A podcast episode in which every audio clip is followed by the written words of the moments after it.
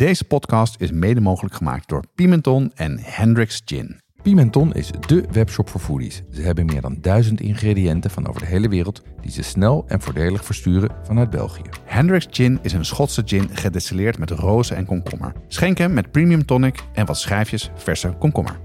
Ook bij ons geldt geen 18, geen alcohol. Jonas, wat is het eh, eerste wat je eet als je weer terug bent van vakantie? Ja, dat hangt een beetje af eh, hoe we gereisd hebben. Als we met de auto terugkomen en we zijn op tijd, dan gaan we meestal rijden we meteen door naar de, de Thai om de hoek. Die is Ja. naast een Albert Heijn. Dan eh, duikt een van ons de Thai binnen en de ander de, de Albert Heijn om dan het melk en het brood voor de volgende ochtend te hebben. Deze keer heb ik het anders gedaan, want we waren wat later thuis. Toen heb ik wat Japanse rijst gekookt. Had nog gyoza's in de vriezer en een miso soepje gemaakt. En eindelijk weer eventjes andere smaken en andere dingen eten. Dus was heel fijn.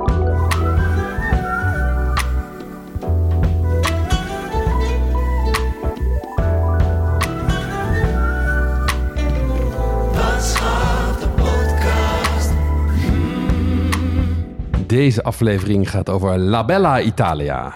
Ehm, we zijn allebei dit jaar naar Italië op vakantie geweest. Hadden we niet afgesproken, Nee. maar is wel zo gegaan.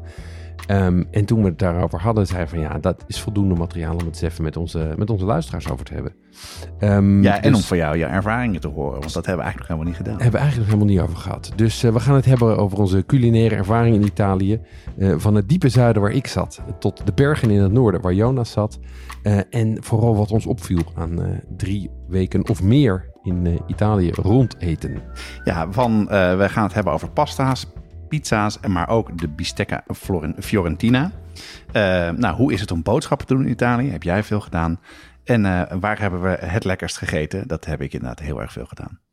Zeker. En eh, als je Italië zegt, dan zeg je natuurlijk eh, aperitivi. Daar gaan we het zo meteen nog even over hebben. En ik heb meteen wat voor jou meegenomen uit Italië. Ja. En uit de streek waar ik zat. Dit is de Amaro Salento. Wat is een Amaro dan? Ja, een Amaro is een bitter. Dus dat is een, een bitterzoete liqueur. Die zie je daar heel veel. Ja? Ehm, de bekendste is eh, Campari. Dat is feitelijk ook een Amaro.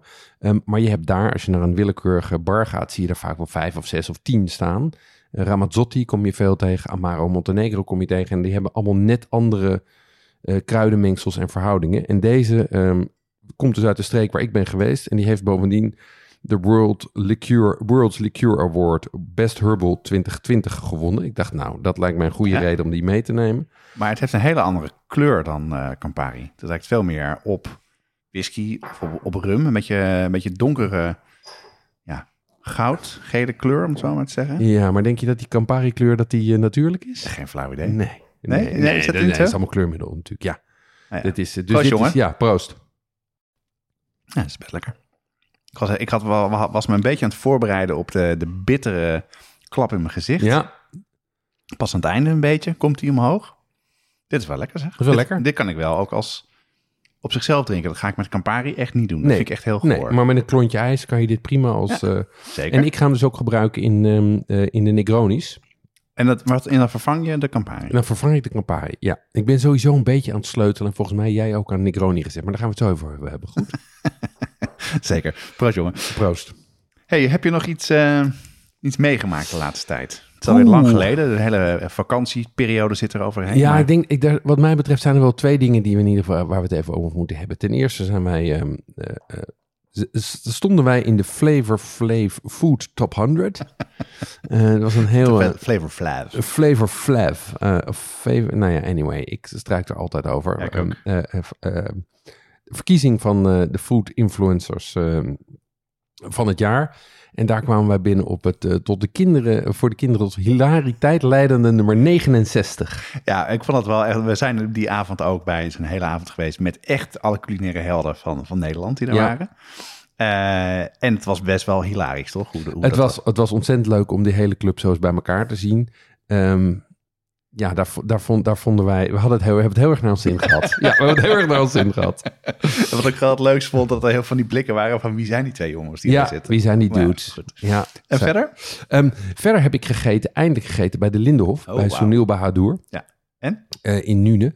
Ja, dat was hartstikke goed. Dat was echt hartstikke goed. Ehm, we hadden natuurlijk met, eh, met de aflevering over Rotti... hadden wij al wat, eh, wat meer over de, de achtergrond van de Surinaamse keuken geleerd. Ehm, en eh, nou, daar zag ik, ik zag er nu allerlei dingen van terugkomen. serieus? ja. Ja. maar het knappe is dat het wel allemaal fine dining is. Dus het, is, het zijn allemaal mooie kleine bordjes opgemaakt met, met mooie ingrediënten. Met, eh, eh, er zit hert in en er zit, ehm, er zit langoustine in. En het is de, of een ree, het was een winter, zomerree. Ehm, dus het was een heel mooi, echt fine dining menu. Maar heel duidelijk met die Surinaamse invloed erin. Maar ook met uitstapjes naar eh, eh, eh, India. En, dus het was heel. het was voor mij de eerste keer dat ik een fine dining ervaring had. die echt fusiony voelde, zeg maar. Waar het niet een soort van. Niet gimmicky. Nee, niet gimmicky, maar waar het ook niet een soort van. Want wat je wel eens hebt in. Dat er een beetje aroma van kaneel in zit. Ja, of, ja. Een, of een heel klein beetje gember. Hier was het best op smaak. Er waren ook gerechten die zelfs wat pittig waren. Ehm, maar het zag er hartstikke goed uit. Ehm, en eh, eh, had ook een prachtig gerecht met eh, wagyu met caviar. Ja, dat is jou getipt, hè? Dat je dat moest, eh, moest bestellen. dus daar heb ik, daar, daar, daar hebben we het vakantiegeld hebben we daar achter gelaten. Dat sowieso denk ik wel, toch? ja, het was, het, was, het, was, het, was een, het was een heel bedrag. Maar het Ja, was ja, het zeer waard. Doe dat niet elke keer, toch? Nee, en eh, ook prachtige wijnen trouwens. Echt prachtige wijnen. En dat gaat ook wel met die kruidige gerechten. Ja, ja hele goede, eh, hele goede sommelier. Dus eh, het, was een, eh, het, was, het, was een, het was een topervaring. Nou, leuk zeg. En jij, wat heb jij eh, uitgevogeld? Ja, ik ben eh, door mijn zoon en mijn vrouw het, eh, het TikTok eh, zwarte gat ingetrokken Mhm. deze vakantie. Je had nog wat tijd over. Ja, dus- ik had wat tijd Ja. over. ik, heb vrij vaak in een, eh, in een airconditioned hotelkamer gelegen om de hitte even te overleven. Eh, elke keer lag mijn boek, eh, had ik bij de hand en toch even mijn telefoon gepakt. Ja. Daar kwam ik een, eh, ja, een filmpje tegen van eh, ja, hoe je hele heldere ijsklontjes kan maken. Nou, ik Ja. weet dat jij daar heel erg van bent. Zeker, directional freezing. Precies, Ja. precies. En er was dus een, eh, ja, een, eh, ja, het was, ik denk dat het ook wel een soort van advertentie was voor True Cubes. Ik heb het bewaard. Ja. later toen ik terug was, eh, heb ik zitten uitzoeken. Heb ik ook allemaal sites zitten bekijken.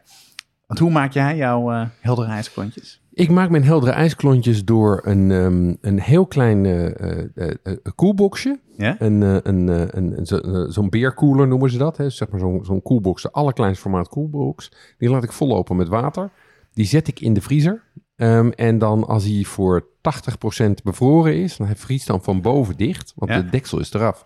Dus de kou komt er van boven op. Van boven vriest hij vast. Ehm, dan stort ik hem eruit. Dan snij ik de onderkant eraf. Daar zit, al, daar zit nog een beetje water. En daar zit ook het, het witte ijs. En de bovenkant is helder. En dan zaag ik dat in blokjes. Kijk, nou, dit eh, kan ook met het ding wat ik gekocht heb. Dat is Kijk. namelijk, nou, ehm, wat is het, denk ik, 15 centimeter een kubus. Ja, Dat is de buitenkant is dus eh, als een, eh, als een, als een, eh, een koeler. ja, En daar zitten twee siliconen matjes in. ja, De onderste zijn vier ijsklontjes en de boven en zitten gaatjes in. ja, Dus eh dat doe je in elkaar. Dan doe je het watergietje erin. ja, En op een gegeven moment, als het dus op die 80% is, dan zit er wat slush onderop. ja. Kan je de bovenste eruit trekken. heb je perfecte, heldere ijsklontjes. Heb je het al, heb je het al gebruikt? Of Nee, is, dit, is dit jouw verwachting? Oké, oké, Dat is oké. mijn verwachting. ja. Oké, oké. Maar goed, ik, eh, ik heb er wel, eh, wel veel over zitten lezen. Het heb ook een prijs gekregen. En het is, nou ja, het is eigenlijk precies wat jij schetst. Maar ik heb dan geen mes nodig. Nee, En eh, het is kleiner. Dus er komen maar vier ijsklontjes uit. Ik heb het niet aan mijn vrouw verteld toen ik het gisteren open, openmaakte. Toen keek ze me echt aan van... Wat ga- nu weer? Dit ga je niet menen. ja, ja, ja, ja. ja. Past helemaal niet in de koelkast of in de vriezer. Maar eh, ik ga het zien. Dus eh, Oké, ik ben heel benieuwd. Ik, ben, want ik, heb, ik heb ook siliconen, ik heb siliconen ballen. ja, dus dat werkt, werkt voor mij niet. Nee, dat werkt bij mij ook niet. Dat, Ik krijg dat niet goed. Ja. En, maar goed, ik ben heel benieuwd hoe jouw... Hey, en eh, ehm, kan jij nog even uitleggen waarom het zo belangrijk is om helder ijs te hebben? ja, kijk, helder ijs is ijs met weinig lucht erin. Ja? En eh, lucht in je ijs is eigenlijk een soort bevroren sneeuw, zou je bijna kunnen zeggen. Die heeft gewoon minder, die houdt minder kou vast. En dat betekent eh, dat, het, eh, dat, hard, dat helder ijs is harder ijs, wat langzamer smelt, waardoor je minder verdunning van je drankje krijgt. ja. En het ziet er veel mooier En uit. het ziet er veel mooier uit. Dus meestal als je het goed doet, heb je dan één grote klont in je Negroni. En dat is Ja. veel spectaculairder dan eh, zeven van die, van die bleekscheetjes. Ja, nou met deze en met dit drankje erbij eh, en dan mijn nieuwe ijsklontjes ben ik heel benieuwd.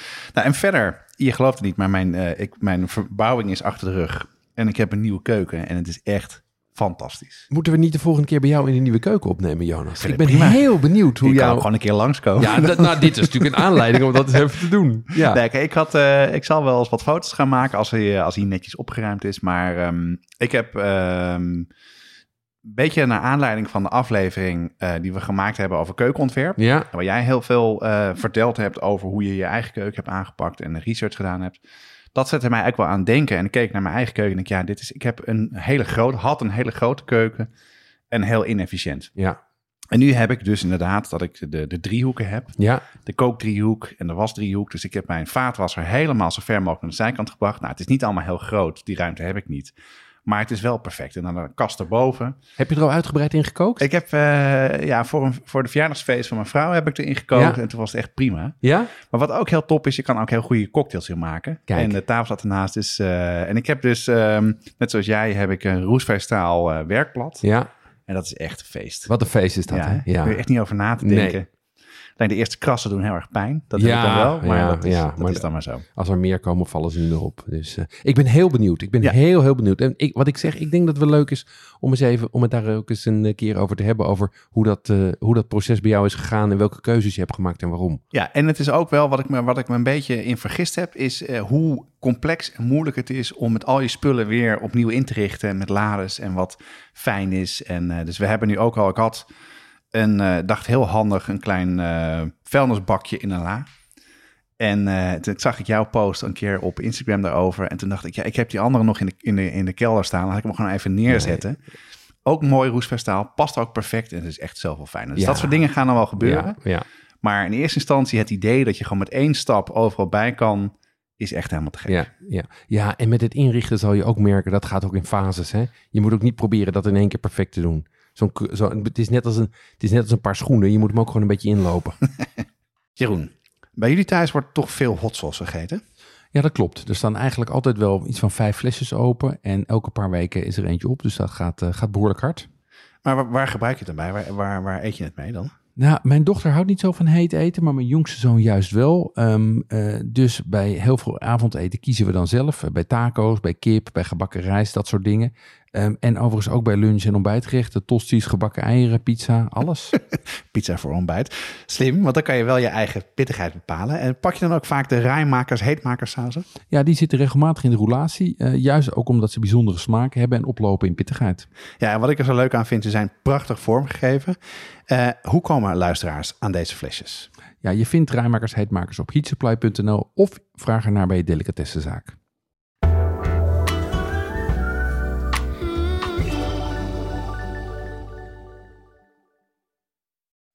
Nou, we gaan het hebben over eh, ons hoofdonderwerp, La Bella Italia. Eh, wat Jeroen aan het begin zei, we zijn beide lang op vakantie geweest in Italië. Jeroen vooral in het zuiden met de trein en ik in het noorden met de auto. En toen we daar met elkaar een beetje over hadden, toen viel het ons op dat we eigenlijk heel erg veel verschillende elementen en delen van het land gezien hebben. Want we hebben beide flink rondgetrokken. En jij met de trein, was dat, was dat te doen? Dat was ontzettend te doen. Ehm, het was, dat was echt een succes. Oh ja? Eh, ja, wij wilden, Ja. wij wilden niet met de auto, want het is eigenlijk net te ver. En we hebben drie kinderen, dus drie kinderen op de achterbank is natuurlijk is gewoon krap. Ehm, en we wilden ook niet vliegen, want eh, vliegen is niet goed voor de wereld. En bovendien is vliegen op dit moment vanaf Schiphol ook niet goed voor je hart. Dus, eh, dus, dat- dus dat, Zeker niet met drie pubers. Nee, dus, dus wij zijn met de trein gegaan en, en dat was een feest. Ehm, daar naartoe is al prima, want je zit dus, dat had ik me ook helemaal niet gerealiseerd. Je kan gewoon in een dag van Amsterdam in Milaan zitten. Dat Ja. is, eh, eh, Ja. als je zeker als je over Duitsland gaat, dan stap je hier om negen uur in en ben je s'avonds om zeven uur ben je in Milaan. Ehm, en de treinen in Italië, die zijn subliem. Oh? E- Echt hartstikke goed. Je zou zeggen hè, dat een, het land heeft natuurlijk toch een wat, eh, wat laat ik zeggen, chaotische organisatie vaak. Dat geldt voor de treinen niet. Nee. Zowel het harde product, zoals ze dat in eh, luchtvaarttermen noemen. Dus je, je, gewoon de trein en de stoelen en het op tijd rijden. Dat is hartstikke goed. Maar ook het zachte product, dus de service en de ontvangst. Het is echt allemaal hartstikke goed geregeld. Vooral die Freccia Rossa, dat is hun hoge snelheidstrein. Die rijdt zowel langs de westkust als langs de oostkust helemaal naar beneden en weer terug. Hoogfrequent, altijd op tijd, mooie nette treinen. Echt, ik ben helemaal om. Leuk. En het is, het is zo fijn om gewoon te kunnen gaan zitten en de wereld aan je voorbij te zien trekken. En je kan wat werken, je kan, wat, je kan een boekje lezen, je kan Uitzoeken waar je gaat eten. uitzoeken waar je gaat eten. Niet Ja. onbelangrijk. Nee, ik ben echt helemaal, eh, ik ben om voor de trein. Leuk. Nou, wat we bijna gedaan hebben is veel gegeten, eh, veel gezien. En het leek ons leuk om eh, met jullie, met elkaar te behandelen eh, wat ons opviel eigenlijk aan Italië. En hoe het is om daar in de zomer te zijn. Ja. Ehm, Jonas, laat ik maar met, laat meteen met het beste beginnen.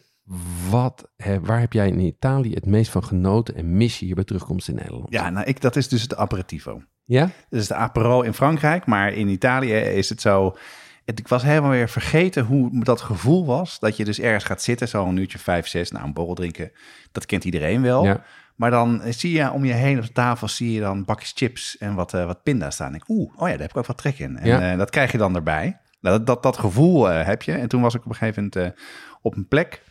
En daar was het, ik kreeg gewoon een soort halve maaltijd. Ja. Dus je bestelde een, eh, een borrel. En dan kwamen er eh, verse worst, eh, kaas, geitenkaas, fritata's. Gewoon een heel plateau. En naast me zaten op een gegeven moment zaten er toeristen. Die zeiden, ja, kunnen we voor het eten afrekenen? Zei die Ja. man, nee, maar dat hoort bij dat drankje. Dat, en het Ja. drankje was niet eens per se heel veel duurder. En toen viel me eigenlijk op dat dat in Italië overal gebeurt. En dat je dus vooral zo'n beetje einde van de dag eh, mensen aan tafel ziet zitten, een drankje drinkt. En eh, we waren in Verona, toen hebben we op een gegeven moment op een plek gezeten waar mensen terug van werk kwamen. Super gezellig, heel erg lekker. En heb je net even de eerste honger is eraf. Ja. En dan eh, kan je ook niet eten, want eh, als je geluncht hebt. Maar eh, nee, ik vond dat fantastisch. Ja, ik, vond, ik, ja ik, nou, ik herken dat. En, en, eh, en ook dat het zo uitgebreid is soms. Ik bedoel, ik heb gehad dat ik, dat ik drie verschillende arancini kreeg en, cro- en crostini. En dat het echt inderdaad, nou ja, tapa's-achtige, Dat, hè, ja. tapa's-achtige spread was. En wat ik le- leuk vond, is dat, de, is dat aperitief daar... Eigenlijk zie je bijna geen bier of wijn. Het is eigenlijk altijd wat anders. Het is eigenlijk altijd een gin tonic, een Negroni, een cocktail. eh, eh, Ja. Heel uitgebreid. Ja. Ehm, en, en daar wordt ook werk van gemaakt. Ik bedoel, ik heb, eh, ehm, eh, ik heb in, in Napels heb ik op een gegeven moment ook echt, kreeg ik een cocktail waar ook echt, laat ik zeggen, een hele, hele prikker in zat. Met allemaal vers fruit. En dat was bijna een tiki-achtige cocktail. En verder hadden we natuurlijk overal Negronis. Ik heb heel veel Negronis gedronken, maar dat waren ook niet altijd goede Negronis. Nee, ik weet niet hoe dat bij jou was. Nee, ik ben een beetje... Ik, ben, ik dacht dat ik in Italië overal goede Negronis kon drinken, maar ik heb er echt wel één of twee echt hele slechte Ja, gehad. ik heb over het algemeen heel erg lekker gehad. En ook vaak op plekken waar het niet op de kaart stond. En dan vroeg ik, en toen keek de, de barman me aan. Oh, dat kan ik wel even voor je maken. En dan kreeg ik dat. En dus ook voor 6 euro, Ja. 7 euro. Dat was de gemiddelde prijs. Maar ik ben ook in Turijn geweest. En Turijn staat bekend om eh, zijn vermoed. Ja. Want dat is ook waar eh vermoed, eh, dat segment vandaan komt. Mhm. En daar was het op een gegeven moment bloedheet. En iedereen was een beetje chagrijnig. En we moesten even zitten en eten. En die stad was leeg. Want ja, in die hitte zit iedereen binnen. En te wachten tot de zon weggaat. En dan komt iedereen weer naar buiten. Mhm. Dus met allemaal andere toeristen op een pleintje gezeten. Wat net te heet was. En toen kreeg ik dus een Negroni. En nam één slok. En ik denk, ja, dat, dat klopt niet. Het is Nee. heel bitter. Heel, ja, gewoon eigenlijk niet lekker. Oké. Dus ben ik nog teruggelopen. Gevraagd van, is het, klopt het? En toen keek die man me een soort van boos aan. Toen eh, Oh ja. heb ik hem maar laten staan. Oh ja, Ja. oh ja. Nee, ik, ik, had, ik, had een, ik had dat in een, eh, in een agriturismo. Daar bestelde ik een Negroni. En toen kreeg ik een, nou, ik denk formaat, eh, formaat limonadeglas. Oh ja? Helemaal vol. En ik drink het en het, dat smaakte gewoon helemaal, het, dat smaakte mm, naar niks, zeg maar. Heel weinig smaak. En toen ben ik teruggegaan. Ik zeg, ja, wat, wat is dat? En toen bleken ze het te hebben gemaakt met Campari soda. Dus Ah, ja. eigenlijk was het gewoon een, een, een, Americano. een, eigenlijk was het een Americano met een beetje gin er doorheen. Even voor de, voor, voor de luisteraars. Een Americano is eh, eh, vermoed Campari en eh, Spa. Ja, Ja. En, en Spa. Ehm, en overigens heb je ook de, de Negroni Sbagliato. Ja, die kwam ik ook tegen. Ja, dat is dan met, dat is een beetje een soort kruising tussen een Aperol Spritz en een Negroni, toch? Ja, dat is, dat is Campari, ehm vermoed en ehm, Prosecco. Ja, ook wel gin hoor. Heb ik ook gezien daarin. Ook, oké. Ja, ja. oké. Ik ken hem vooral met, eh, met Prosecco. En, ehm, maar het viel mij op dat ze dus niet overal goed zijn. Nee. Ehm, Maar ze en- kennen het overal wel, hè? Dat vind ik wel weer grappig. Hier in Nederland is het vaak dat ze heel veel mensen je aankijken of je gek bent als je het bestelt of als je erom vraagt. Maar daar weet iedereen het gewoon. Ja, weet iedereen het en kijkt niemand je ook gek aan. Dus eh, het was weer een, En ik, ga, ik ben wel zelf nu ook wat aan het sleutelen aan mijn eigen ideale cocktail. Nee, kom maar door binnenkort. Daar ben ik heel benieuwd naar. Nee, wat ik net al zei, als je onze eh, reizen soort van samenvoegt, dan hebben we een beetje de, de belangrijkste regio's van Italië wel gehad. Hè? Van het noorden tot het zuiden, tot het, tot het midden en, en de kust ook. Ehm, en toen we er een beetje over aan het praten waren met elkaar, toen kwamen we er toch wel achter dat er enorme regionale verschillen zijn. Ja. Dus ik ben wel heel benieuwd, want jij bent heel erg in het diepe zuiden geweest, toch? Ja, Helemaal ja. in de hak. Ja, wij zijn. Hoe wij was zijn- dat? Ja, wij, wij zijn dus eh, even om het eh, eh, inderdaad te schetsen. Wij zijn vanuit Milaan met een nachttrein naar Brindisi gegaan. Ja. En Brindisi zit dus helemaal in de hak. Dat is ook waar zeg maar de oversteek naar de ferries naar eh, Griekenland eh, eh, is. Ken ik nog uit mijn studententijd. Precies. Ehm, en die regio, dat is, eh, dat Puglia. Eh, dat, is een, eh, dat was van origine een hele arme regio. En wat mij daar opviel is dus inderdaad die cucina povere. Dus je ziet heel veel hele eenvoudige gerechten. Ja. Veel groenten, veel peulvruchten, pasta. Heel klein beetje vlees. En dan vooral, laat ik zeggen, minder courante delen. Dus paard, konijn, ehm, dat, soort, dat soort dingen. Ja. Ehm, en wat ik ook opvallend vond, was eh, een best duidelijke Griekse invloeden. Oh, serieus? Ja, dus je, ik zag zo, ik zag... Het eh, Patras. eh, eh, nou, eh, Ja, daar, een komt van, de, daar ja, gaat de ferry vandaan naar precies. Brindisi. Ja, ja. En, Ja. En, en wat ik bijvoorbeeld daar tegenkwam, waren die was soort van rog, geroosterde roggebroodjes. Die heb ik vorig jaar ook in, eh, op Kreta gezien. Oh, wat grappig. En die kwamen hier, zaten die eigenlijk als een soort bruschetta, werden die ook weer eh, Ah, geserveerd. Ehm, dus, eh, dus dat viel me op. Ehm, en eh, wat, ik, wat ik heel leuk vond, we hebben daarna hebben we een, eh, een, een aantal dagen echt in het midden gezeten van, eh, in het midden gezeten van Puglia, of eigenlijk op de rand van Puglia en de Basilicata. Ja. Dat is echt een heel arm deel geweest. Dat is de regio ja, daar rondom Matera, ehm, is waar, eh, waar, waar ook in de jaren 50 mensen nog letterlijk in grotten woonden. Oh, serieus? Ja, in grotten met huisdieren. En eh, daar is toen een hele ophef over geweest dat het zo arm kon zijn. Maar daar voelde je nog steeds die eh, armoede. Is dat daar ook waar de James Bond film opgenomen is? Exact, exact. Dat is waar de James Bond film is opgenomen. En in de jaren 80, eh, eigenlijk in de jaren 50 is dat, zijn die grotten ontruimd. En in de jaren 80 hebben ze die grotten weer... eh, ehm, kon je die grotten kopen voor 1 euro, mits je ze zou ontwikkelen. En nu is dat dus een, een, bloeiende, eh, een bloeiende stad met allerlei kunstenaars en restaurantjes. En eh, ehm, nou ja, wat, je natuurlijk vaak ziet bij, eh, bij gerenoveerde gebieden. Maar wat viel je daarop dan, qua eten? Nou, een van de dingen, we, we hebben daar dus een aantal dagen gekookt zelf. Eh, Oh ja, nou, wat me, wat me opviel was dat de markt echt fantastisch was. Echt een, een overweldigend aanbod aan Ja. vooral groenten. Ja. Eh, en groente en fruit, ehm, en maar ook pasta's. Ehm, en een van de dingen die ik daar heel leuk heb gemaakt is eh puntarella. Wat is dat? Ja, puntarella is eh, eigenlijk een. ehm, het, het, het zit in de familie van de andijvies. Mhm. Dus het zijn een soort. Een, een, het, het zijn lange, lange bladeren, lange witte stengels met groene blaadjes aan de zijkant. Heel erg bitter. Ehm, en ehm, die, eh, die verwerk je bijvoorbeeld in een pasta. En het grappige is dat de pasta die ik daar in een lokaal eh, kookboek tegenkwam, is een pasta van orecchietti met puntarella en anchovies. En ik denk dat dat de eh, oermoeder is van, jouw eh, van jouw bekende gerecht, eh, broccoli met, Ah, best met kunnen, ja. orecchietti en Ja. Ja, dat zou best kunnen. Want je bereidt het op precies dezelfde wijze. Ja. Ehm, maar het is dus wel echt een tandje bitterder. Dus daar moet je wel tegen kunnen. En daar houden ze wel van, hè? Van, van bittere groenten en dat soort dingen. Ja, dat kom je daar veel tegen. Ehm, En wat voor, heb je vooral verse of gedroogde pasta gezien en gegeten? Ik, heb het, ik heb het allebei gezien en gegeten. Ehm, en in een aantal gevallen heb ik, heb ik ook vers... Die orecchiette die heb ik toen vers gekocht. En het interessante was, wat ze daar ook vooral verkochten, was volkoren orecchietti. ah ja. Dus dit was, dit was echt een heel gezond gerecht van, eh, ja, Ja, van orecchietti, ja. mooie olijfolie, puntarella en anchovies. En orecchietti die heeft een beetje een oorvorm. En dat zijn eigenlijk de, dat zijn de verse pasta's die je met je duim over een ruwe oppervlakte eh, trekt of duwt. En dan wordt het een soort van oortje en dat eh heeft een lekkere bite. Ja, was erg lekker. Ehm, dus, dus veel groente. En wat mij opviel was vis. Ehm, en vis, ik had daar eh, hoge verwachtingen van. Ik ben daar ook bij een aantal viszaken geweest. Viszaken in restaurants. En dat viel mij toch een beetje tegen. Zo. Ehm, nou, er was best een fors aanbod. Maar als je ging kijken, was het eigenlijk allemaal kweek. Of geïmporteerd. Ja? Ehm, eh, eh, en of bevroren geweest. Ja, ja.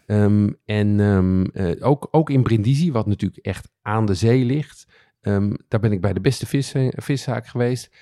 En dat was toch een beetje zoeken. Ehm, de tonijn die ze daar hadden, dat was wat je wel vaker ziet in die landen. Zo'n heel grote blok bloederig vlees. Ja, ja, ja. Met, met zwarte en eh, met, met zwarte grijze strepen erin. Ehm, en er zat een. eh, eh, en daarnaast hadden ze ja, kweekzeebaars, kweekdoraden. Maar dat zijn eigenlijk dezelfde die wij hier gewoon kunnen krijgen.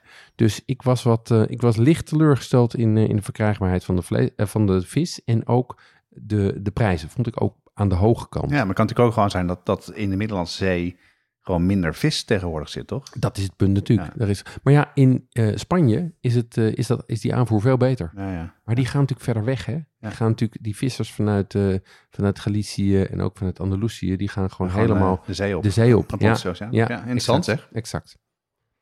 Hey, en jij bent begonnen in de bergen in Zuid-Tirol.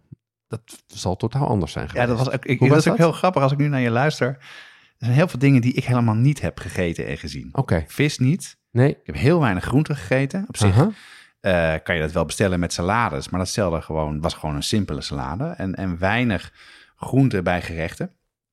En we zijn begonnen eigenlijk eerst in München begonnen, toen afgezakt door Oostenrijk naar, eh, naar Bolzano. En dat zit, zit echt heel erg in het, eh, ja, een beetje in het noorden van Italië in Ja. de bergen. En, eh, en dat is een soort van twilight zone waar het zowel eh, Duits is Ja. als Italiaans is. Dus iedereen spreekt ook Duits daar en Italiaans. Mhm. Dus de ene dag hebben we daar eh, in een Italiaans restaurant gegeten. En bestelde mijn zoon, die bestelde, die houdt heel erg van schnitzel. Ja, Dus eh, een cortelletta Milanese la- zat er op de kaart. Dus hij denkt, nou, ik krijg een kleine schnitzel. Die kreeg een mega stuk Ja? vlees. ja, er werd voor hem zo'n neergezet. pannenkoek. En ik zag mijn vrouw echt kijken. Oh, dat gaat helemaal nooit goed. En mijn zoon kreeg een grijns, die, groter dan hij kon bedenken. Die was ook, was ook heel erg lekker. Met een heel groot stuk bot eraan. En het viel helemaal over, de, over, de, over het bord heen. Maar je hebt daar dus heel erg veel vlees, maar echt veel van dat Duitse vlees Ja, gestoofd, wat je ook eh, ja, in Zuid-Duitsland dan, dan vindt. En dan zijn we daarna eh, naar Verona geweest, wat Mhm. daar dus vlakbij ligt. Dat is eh, een paar uur rijden. En dat zit dus eigenlijk daar waar de bergen ophouden, daar is Verona. En daar merk je ook heel erg als je op de kaart kijkt, dat er dus ook heel veel berg eh, ingrediënten zijn. Polenta is daar veel te vinden, zelfs Ja. in de zomer. ja, truffel was er ook. nice. Er was zelfs een, een restauranteigenaar die vertelde dat, ja, ja zomertruffel, hè, dat moet je eigenlijk niet doen. Nee, Maar ja, het is op een of andere manier dit jaar een heel erg goed jaar geweest voor zomertruffel. Oké. Het heeft ju- op het juiste moment geregend. En dat was ook echt super lekker. oh, dat, dat belooft wat voor de wintertruffel. eh. Als het gaat regenen. Dat is een beetje ja, het punt ja, natuurlijk. ja, ja, dan moet het nu gaan regenen. Dus het was zo droog overal. Dus, Ja. ja. ja, dat was heel leuk om daar te zien. En eh, ik heb daar op een gegeven moment ook ehm, eh, pasta met ehm cacio en pepe gegeten. Ja. Dat, is, dat komt ook heel erg uit die, ik weet niet of het per, per se uit die streek komt, maar dat is dan kaas met peper. Ja. En ik wil dat gewoon wel eens een keer eten, had het nooit Ja. gegeten. Dit was kaas met peper en truffel. Dus die Kijk. was, eh, was helemaal goed. ja, zo maak je alles lekker. En, Ja, wel, nou, en het was wel echte truffel, hè? Het was echt de truffel en hij was ook eh, goed. Het was, dat herinner ik me nog van toen wij in Piemonte geweest zijn, dat die truffel ook smaak heeft. Ja. Niet alleen maar geur en textuur, dat had hij nu ook. En het was gewoon ontzettend lekker gemaakt. Nou ja, voor de mensen die het niet kennen, is je maakt eh, een, romige saus met veel kaas en peper. En dit was een hele goed gemaakte pasta daarbij.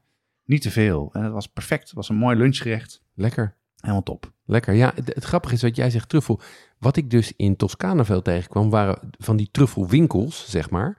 Ehm, winkels Oh ja? die alleen maar truffelproducten verkochten. Maar dat was allemaal, ik had daar een Allemaal beetje... potjes, hè? Ik, ja, en ik had daar een beetje Nutella gevoel bij. Want het waren er, het waren er te veel en met te weinig, eh, ehm, eh, eh, met te weinig bezoekers. Een beetje Nutella zaken die we in Amsterdam ja, hebben. precies. Van die, Dat, dat ze potjes verkochten voor, nou weet ik wat, 40, 50 euro. ja. Volgens mij allemaal truffel essence. Eh, en ik denk vooral gericht op de toeristen. Dus volgens mij was dit gewoon een soort, was het, is gewoon een, een, een scam. met eh, truffelproducten voor te hoge prijzen aan toeristen verkopen. Ja, kan zeker. Ik heb het, eh, ik heb het minder, veel minder gezien, Ja, maar wel veel op de kaart gehad. Eh, en dat was het goed. en dat was ook goed. Ja, nee, het grappige is, ik heb geen truffel gezien. Op Echt de waar? kaart- Nee, nergens. Op oh, een- ik heb echt eh, vooral truffel, nou truffel een beetje, maar vooral eekhoornsbrood en heel erg veel vlees. Dat is ding. Dat is het enige wat, eh, wat ik heb, eh, nee, ik heb, eh, nee, ik heb groenten gezien, ik heb vis gezien. Maf, hè? Ja, Ja. totaal anders. Ja, ik heb dus in het noorden vooral heel erg veel vlees gegeten. Ja, dat zei je al. Ja, en, en eh, dat, was, eh, dat begon vooral in, eh, in, in Toscane. In, bij Florence waren we. Waren we bij een restaurant en daar bestelde ik carne cruda. Ja, Nou, voor de mensen die het niet kennen, dat is een soort van tartaar. Ja. Eh, gehakt, eh, gehakt vlees. Er zit zout en olijfolie doorheen. Hier zaten ook wat andere stukjes groente doorheen. Een beetje selderij zat erbij. Oké. Ehm, en daar was dus die truffel overheen gedaan. Kijk. Dat, en ik had het besteld en ik had er heel erg vertrek in. Want ik kon er nog herinneren van Piemont. Maar mijn vrouw zat me zo aan te kijken. Ja, dat is bloedheet. Ja. Fantastisch uitzicht over, eh, over de stad. En dan ga je gewoon zoveel vlees eten. En, eh, maar toen nam ze een hapje en dan eh, was toch heel snel de helft van mijn, van mijn hoofdgerecht was verdwenen naar de andere kant. Ja, ik heb overigens heb ik in. wij, wij zijn ook even in Toscane geweest. Want wij hebben onze reis beëindigd even. Want wij zijn vanuit, dus vanuit eh, Brindisi zijn we naar Napels gegaan. En vanuit Napels door naar, ehm, eh, eh, naar Arezzo. En dat is zeg maar het binnenland Toscane. En daar heb ik ook wel eh bistecca Fiorentina gegeten. Ja, ja. Ehm, het is, dat hebben wij niet gedaan. Want elke keer op de kaart stond dat. Ja, En dat was, nou, ja, dat was dat eh, per 100 gram afrekenen. Ja. En gemiddeld is het twee, nou ja, was het twee kilo of zo. Ja, dat lukte me gewoon niet. Mijn Nee. zoon vindt het heerlijk, maar dan blijft er zoveel over. Dus het was eigenlijk...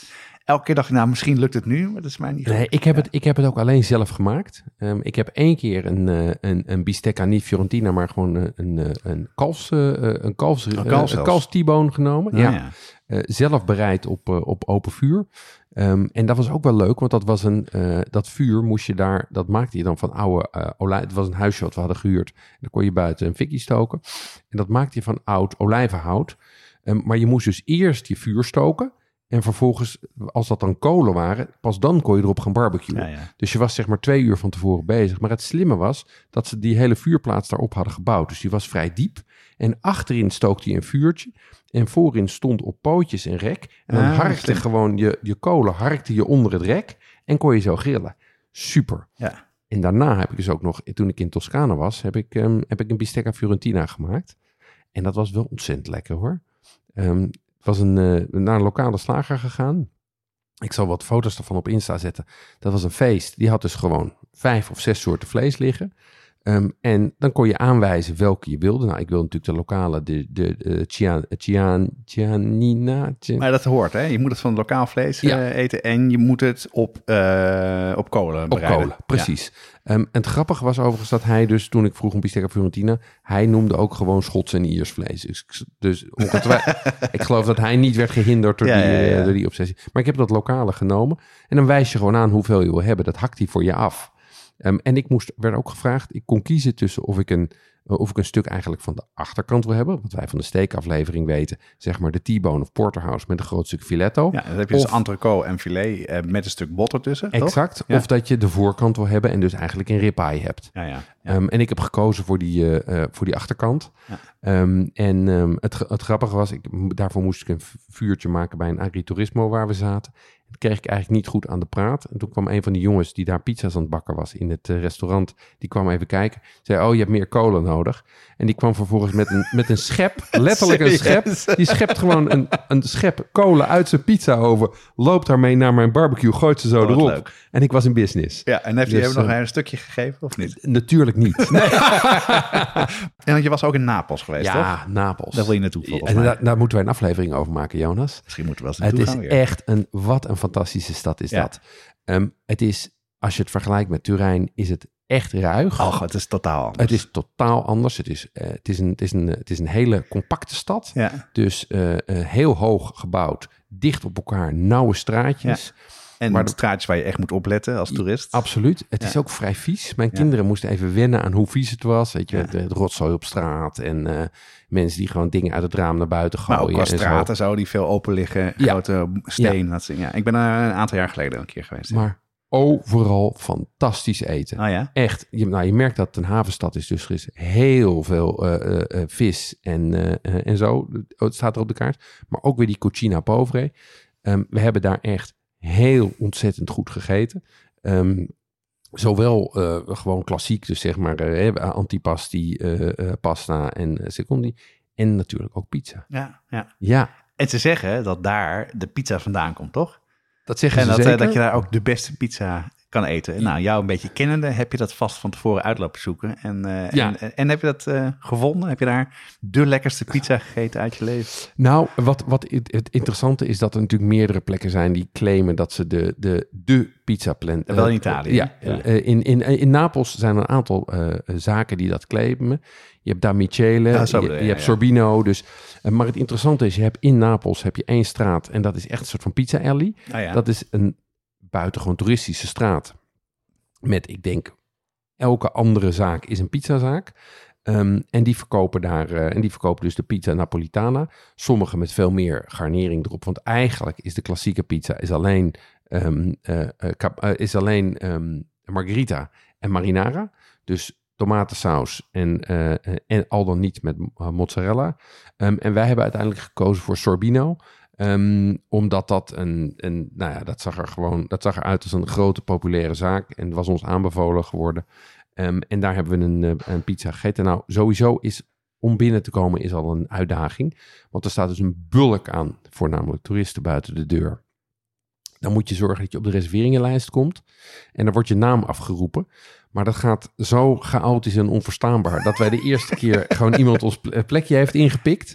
Dus wij zaten braaf te wachten. Het goede is wel dat er tegenover zit een, eh, is een barretje. Ehm, en daar kan je gewoon een biertje of een Negroni kopen. Dus ik vond het helemaal niet zo erg dat ik nog even mocht blijven zitten. Ehm, maar, eh, en vervolgens kom je die zaak binnen. Ja, en dan is de keuze uit, een, eh, uit ik geloof dat ze zeven of acht verschillende pizza's hebben.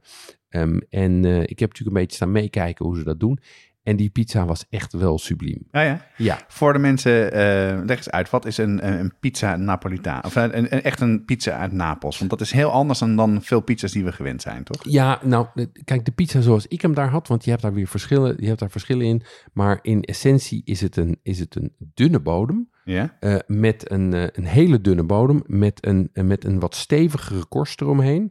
Ehm, maar geen van die dingen, in ieder geval in de, in de zaak waar wij waren, is eh, krokant. Nee, het is, het is een beetje zompig, een beetje zachtig. En de, en de buitenkant is eh, opgepoft Ja. met een beetje eh, wat Van die blaren. brandblaren erop. en, maar het is wel, als je het vastpakt, dan glijdt het van je hand af. En je Ja. moet het met, met beleid eten. Je moet met beleid eten. Ehm, of met heel veel bier. Het, het- waar het mij aan deed denken was een, ehm, in ieder geval de binnenkant, zeg maar, het middenstuk. De, de korst is vrij chewy, zeg maar, vrij hef, is behoorlijk taai is een verkeerd woord, maar die trekt best. Ja.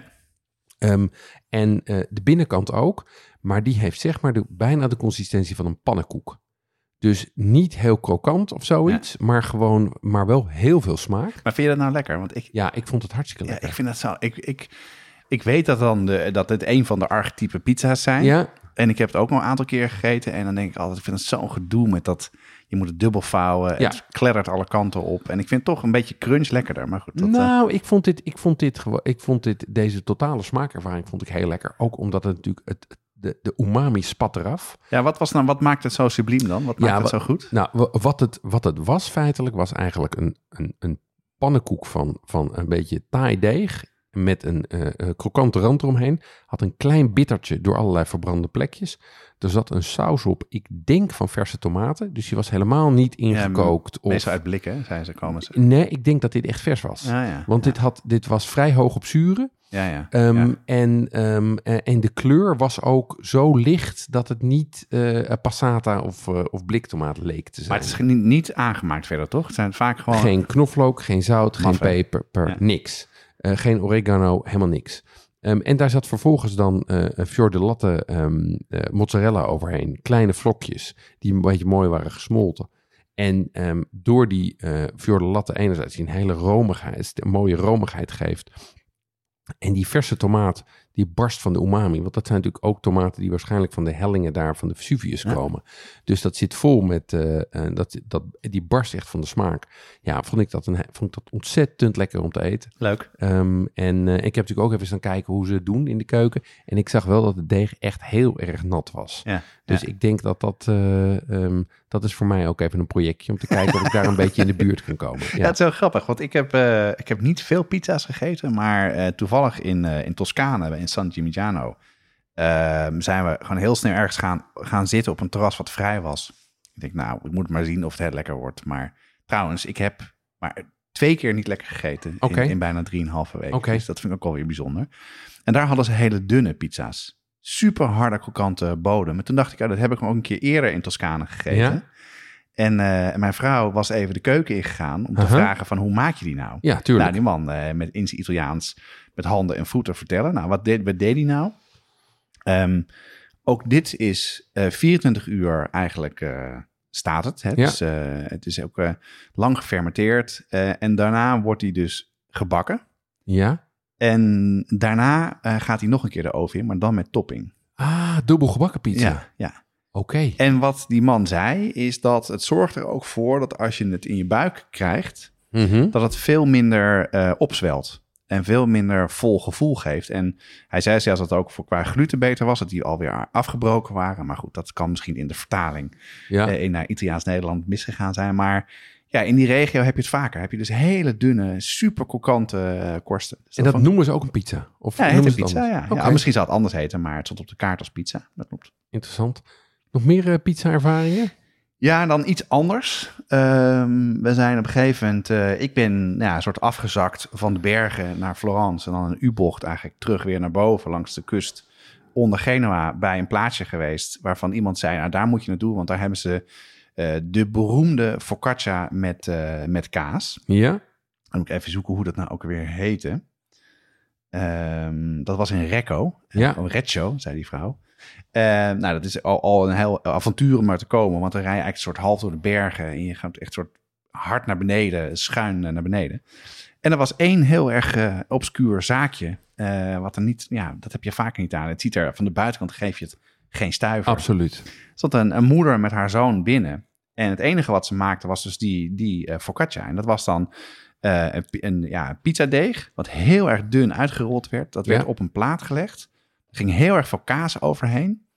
Eh, het heeft een bepaalde, het is niet stracciatella, maar het is een ander soort kaas. Het lijkt, het lijkt een beetje op mozzarella, maar het is toch anders. Het komt veel in die streek voor. Maar ik ben vergeten hoe het precies heet. Ja. Daar gaat dan weer eh, hele dunne deeg overheen. Mhm. Maken ze helemaal dicht. En dat gaat de oven in. Oké. Op een plaat, komt terug, snij ze in stukjes en dat eet je dan bloedheet op. Een soort kaassoufflé. Ja, eigenlijk wel, ja. Ja, ja, ja. Maar wel echt heel lekker, want omdat je het precies hetzelfde wat jij net schetste, eh, dat er dus toch ook van die, van die blaren op zitten en dat het in de oven geweest is. Het is wel enorm kazig. Ja. Hoe er staan ze voor in de rij. Dat is erg leuk. Het grappige is, en daar zie je dus weer het verschil tussen, tussen het noorden en het zuiden. Ik had ook een focaccia recept. Ehm, in een van die huisjes waar ik zat lag een kookboek uit de regio. Ehm, en daar had ik een recept voor eh, focaccia met aardappel. En dat Ah, is dus ja. een, eh, eh, dus dat is weer, bedoel, waar er bij jou kaas in zat, zat er bij mij aardappel in. Ja, maar, maar ik neem aan dat die bij jou ook een beetje gerezen was. Dit was Ja. gewoon echt soort, Nou, soort platbrood. Dat is, een, dat is een verhaal op zich. Ik zal je vertellen. Ik zal je vertellen. Ik, Geef nog even een slokje. Ik had, dat, ik had dat recept gelezen en ik dacht, dat ga ik maken. Dus aardappels gekocht, eh, deeg gekocht, goede deeg gekocht en eh, gist gekocht. Dus ik dacht, ik koop levitate of iets, wat dat, iets wat die, wat, eh, van die term. Dus, ik, ehm, eh, dus dat moest door, dus ik neem dat mee. En ik ben, mijn, ik ben mijn, mijn deeg aan het maken. En het idee was dat je het gist erbij deed en dan liet rijzen. En er ging, ge- er ging aardappelpuree doorheen. En vervolgens plakjes aardappel in rozemarijn Ja, ja, bovenop. ook nog. Oh, ja. Ja, dus ging een beetje puree doorheen voor de smeuigheid. Dus ik had dat gemaakt en ik gooi die, ehm, ik gooi dat, hoe heet dat? Ik gooi dat Gist. gist erop. En ik vond het al verdacht wit poeder. Ik dacht, nou ja, het zal wel goed zijn. Dus ik gooi er water bij en de zaak begint enorm te bruisen. Als bakpoeder, of niet? Het was bakpoeder. bleek ik gewoon, bleek ik, bleek... En die stond gewoon op het rijtje van Ja, de ja, gisten. ja. En heette dus ook levitaten. Maar dit was dus net een andere, eh, een andere gist. Dus ik heb, en toen heb ik geprobeerd het te bakken met bakpoeder. Dat was geen succes. Nee? Nee, nee, want dat was natuurlijk doordat ik Niet, het water... voor je humeur waarschijnlijk. Nee, en ik had het water natuurlijk er al bij gedaan. En dus dat begon helemaal... Oh nee, het was het. Want ik moest... Ik dacht, dat is gist. Dus ik moet het eerst even laten... eh, ik moet het eerst even laten wellen. Of Ja, noem je dat? actief Even, maken. even Ja. actief maken. Ja. En toen begon het al te bruisen. Dus al die bruiskracht was eruit. dus ik had een dik wagenwiel. Ik heb vervolgens het recept meegenomen en het nog een keer gemaakt. En dat is wel echt een toprecept. Dus dat zal ik ook even op de site Oh, zetten. hartstikke leuk. Ja, Ja. Dat vind ik, dat, dat is, focaccia kom je ook heel veel in alle soorten en ma- maten tegen. Hè? Want dat eh, viel mij ook op in Toscane. Hebben ze dus, eh, dan krijg je brood op tafel. Maar dan krijg je dus fo- focaccia, wat heel lekker is. En dan krijg je dan ja, het Toscaanse brood. En zit geen zout in. Dat is echt, Nee, maar het is ik- echt goor. Maar dat. Jonas, kunnen we, kunnen we deze olifant in de kamer noemen? Ik heb daar nergens normaal brood gegeten. Nee, dat is waar. Ik heb daar, alle brood die ik daar had, was Ja. oud en smaakloos Ja. en kruimelig. Die focaccia was goed, die, die pizza waren goed. En die stengels waren ook wel lekker. Die stengels, maar gewoon brood, Nee, dat is daar gewoon Nee. niet te krijgen. Nee. Dus ehm, eh, dat heb ik er ook van geleerd. Weet je, je moet daar ook voor je ontbijt, moet je inderdaad vooral een, eh, iets, iets met, van bladerdeeg nemen of Ja, of, eh, of ze hebben best wel lekker is het? Croissants hebben ze, cornetto's ja, dat bedoel dan. ik, precies. Ja, wat een grap is, als laatste heb ik, eh, ik heb ook pizza gegeten op een gegeven moment in Turijn. Ja, En, eh, en dat was, eh, dat, ik het intrigeerde mij. Het was een, een pizza, wel een Napolitaanse stijl, dus vrij, wat jij net schetste. Met een witte saus, ook weer met die kaas. ja.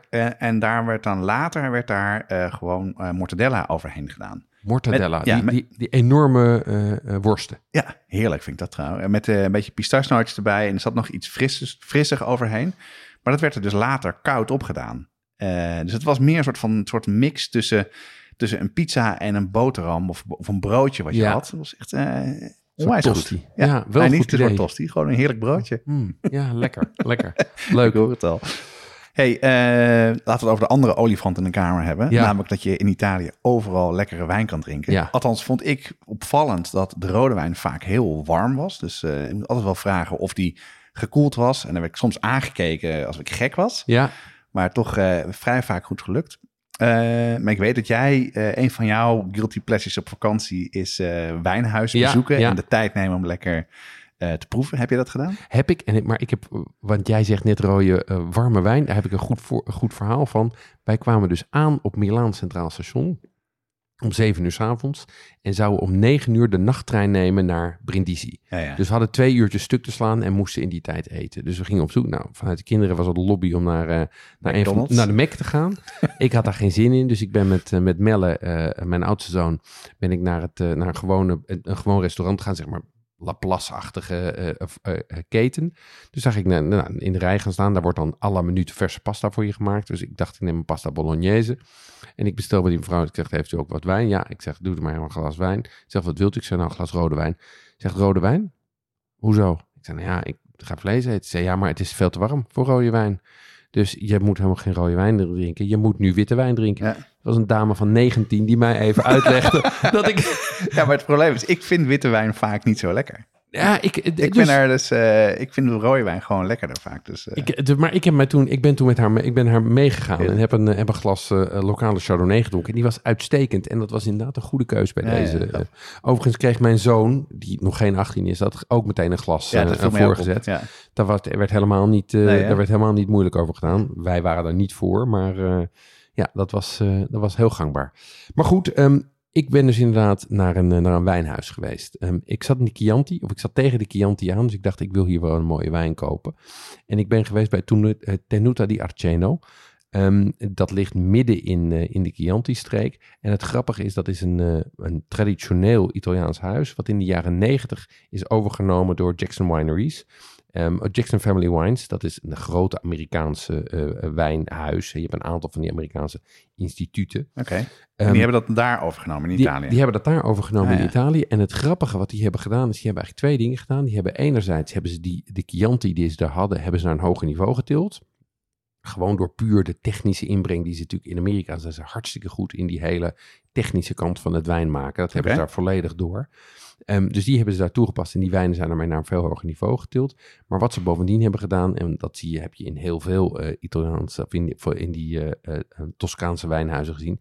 Ze hebben een, rij, een lijn van Super Toscane Ja. geïntroduceerd. En dat zijn, Super. Super Tuscans, precies. En dat zijn wijnen die houden zich niet aan de regels van de lokale streek. Maar vaak zijn het Bordeaux-achtige blends. Dus zit Merlot in, zit Cabernet Sauvignon in. Er zat hier ook Cabernet Franc in. En daar maken ze dan wijnen van die eh, nou ja, heel erg op kracht zijn gemaakt. Ehm, en die heel populair zijn in Amerika. Ehm wij zijn daar rondgeleid op dat, eh, op dat wijnhuis. Ik had ze een mailtje gestuurd gezegd, ik wil graag langskomen. En eh, nou, daar werden we met, met open armen ontvangen dat veel, het interessante was dat er daarnaast eigenlijk alleen maar Amerikanen kwamen. ehm, die, eh, die- klaarblijkelijk vanuit Jackson Wineries waren doorverwezen. Ehm, maar toen hebben we daar eh, rondgekeken. En wat leuk was, was dat ze dus die, eh, die super Toscanen maakten. En die waren ontzettend lekker. Maar wel, als je het niet zou weten, zou je zeggen dat het gewoon Amerikaanse wijnen waren. Oh ja. Dus deed me ontzettend denken aan de wijnen die ik ook in, in Napa Valley en Sonoma heb gedronken. Ehm, en toen vertelde die vrouw ook, die, die ons rondleidde, en ze scoren ook allemaal heel goed in de lijstjes. 90 tot 95 procent van hun export gaat ook naar Amerika. Oh, serieus? Ja, en wat je dus, en wat je dus, als je dit cynisch bekijkt, is het dus heel simpel. Die Amerikanen hebben gewoon een Italiaans wijnhuis gekocht. Ja, ja. Om daar Amerikaanse wijnen voor de Amerikaanse markt te maken. Marketing. met een stempeltje erop, made in Tuscany. Ja. Dit is een, dit is een Chianti. Super, su- super task. Super Tuscan. En, eh, en dus ook met Amerikaanse prijsstellingen. En, Oh, dat eh, ook nog? Ja, nee, want die, die wijnen, die, die, die Chianti's, die liepen tot 22, 23 euro. Echt waar? Die Super Toscanen, die begonnen bij de 30 en die liepen door tot de 70. Ongelooflijk. Ja, de fles. Waren wel ontzettend lekker. En, eh, dus ik heb er, en dan is het weer een voordeel dat je met de trein bent. Dan kan je zeggen, nou ja, dan neem ik, eh, dan neem ik maar drie flesjes mee, maar dan pak ik wel die goede. Ja, Ja, ik, heb, eh, ik was met de auto en ik heb eh, drie doosjes meegenomen. Want op een gegeven moment waren wij dus weer in Piemonte. Ik wil graag mijn vrouw en mijn zoon een beetje laten zien wat wij hebben meegemaakt toen we daar de aflevering maakten. ja. Dat is een aanrader trouwens, die aflevering. Als je denkt, ik wil nog meer Ja. Italië, Nee, ja. En, ehm, eh, en ik had ook gebeld met eh, het wijnhuis waar wij toen uitgebreid eh, een proeverij hebben gehad, Ja. Isabella de la Croce. En toen zei ja, ik was hier in november, weet je dat nog? Oh ja, ja, ja zeker, ja, ja. Tuurlijk, ja. En nee, ik ben hier met mijn, met mijn gezin en ik wil mijn vrouw even laten zien. Dus komt het uit, kan ik langskomen? Oh ja, dat komt, komt wel wat later, want het is warm. En we waren ergens anders geweest. En ik kon nog herinneren dat naar, naartoe rijden was al best wel een uitdaging. Want het was heel stijl omhoog. Ja, ja, we reden met Rick mee in zijn, eh, Ja. in zijn, in, in zijn echte auto. Ja, vrij hard erachteraan. En eh, ik reed nu en ik denk, ik ben helemaal verkeerd. Want ik reed echt over de kammen van die berg. Wel fantastisch uitzicht met allemaal wijnranken. Ik heb doodstankse uitgestaan. Ik heb een beetje hoogtevrees. Links en rechts eh, echt van die afgronden. en ik denk, nou, dit, dit klopt niet. Nee. Er nog kleinere weggetjes en nog kleiner. Op een gegeven moment denk ik, oh, ik kom van boven. Dus van de kam van de berg gingen we naar beneden. Maar het leuke was, hij zei sowieso dat er eh, die ochtend een familie was geweest die de podcast eh, luistert en daarom daar een afspraak gemaakt had. Oh, wat leuk. Ja, dat vond ik echt super tof. En eh, ze hadden voor, voor ons hadden we, we hebben de, de hun Chardonnay, hebben we verschillende jaren geproefd. Een aantal keren zat er een, aantal, een jaar tussen. Maar ze hebben dus die van 2021 volgens mij uit mijn hoofd eh, tot aan 2015 geproefd. En, eh, en het was heel interessant om zo'n zo'n wijn eh, zo lang te proeven. Ja, Er zijn natuurlijk verschillende eh, oogsten geweest. Ja. Dus dat, is natuurlijk, dat maakt natuurlijk een enorm verschil. Maar wat opvallend was, dat de neus was overal hetzelfde. Maar de smaken waren zo verschillend en zo anders. Ja, dat was echt eh, te gek. wat leuk. Wat leuk. Ja, maar genoeg konden we alleen maar de 2021 kopen. En niet die van 15 of 16, die echt Oh ja. helemaal fantastisch was. Ja, Maar dat, dat gaf ook weer aan dat je die wijn dus goed kan bewaren. En, eh, en later dus verandert hij heel erg. En, Ja. eh, leuk. en het was en weer veel verder aangekleed. En eh, het was hartstikke tof. Ja, ja ik moet zeggen dat die, die Italiaanse Chardonnays, daar ben ik hier toch ook wel weer voor gevallen hoor. Die zijn vaak, die vind ik vaak erg lekker. Ja, ja niet zo vettig zijn ze. hè? Nee, ietsje minder Beetje vettig. bittertje, en- ja, ja, lekker hoor. Voor de luisteraars van de gratis podcast zit het erop voor deze aflevering. Voor de brigade gaan we nog door met het supplement. In het supplement gaan we het hebben over koffie, pasta, Italiaanse winkels en onze favoriete restaurants tijdens, tijdens onze vakantie in Italië. Als je ook lid wil worden van de brigade, ga dan naar petjeaf.com slash podcast en meld je aan. Deze podcast wordt gemaakt door Jeroen Doucet en Jonas Nouwen. Het team bestaat uit Corianne Straathof, Annie Tazelaar, Paul Veldkamp, Cato van Paddenburg en Jesse Burkunk. De muziek is gecomponeerd door Nico Bransen en Ton Dijkman en uitgevoerd door Mel en Vintage Future. Tot de volgende keer. Tot de volgende keer.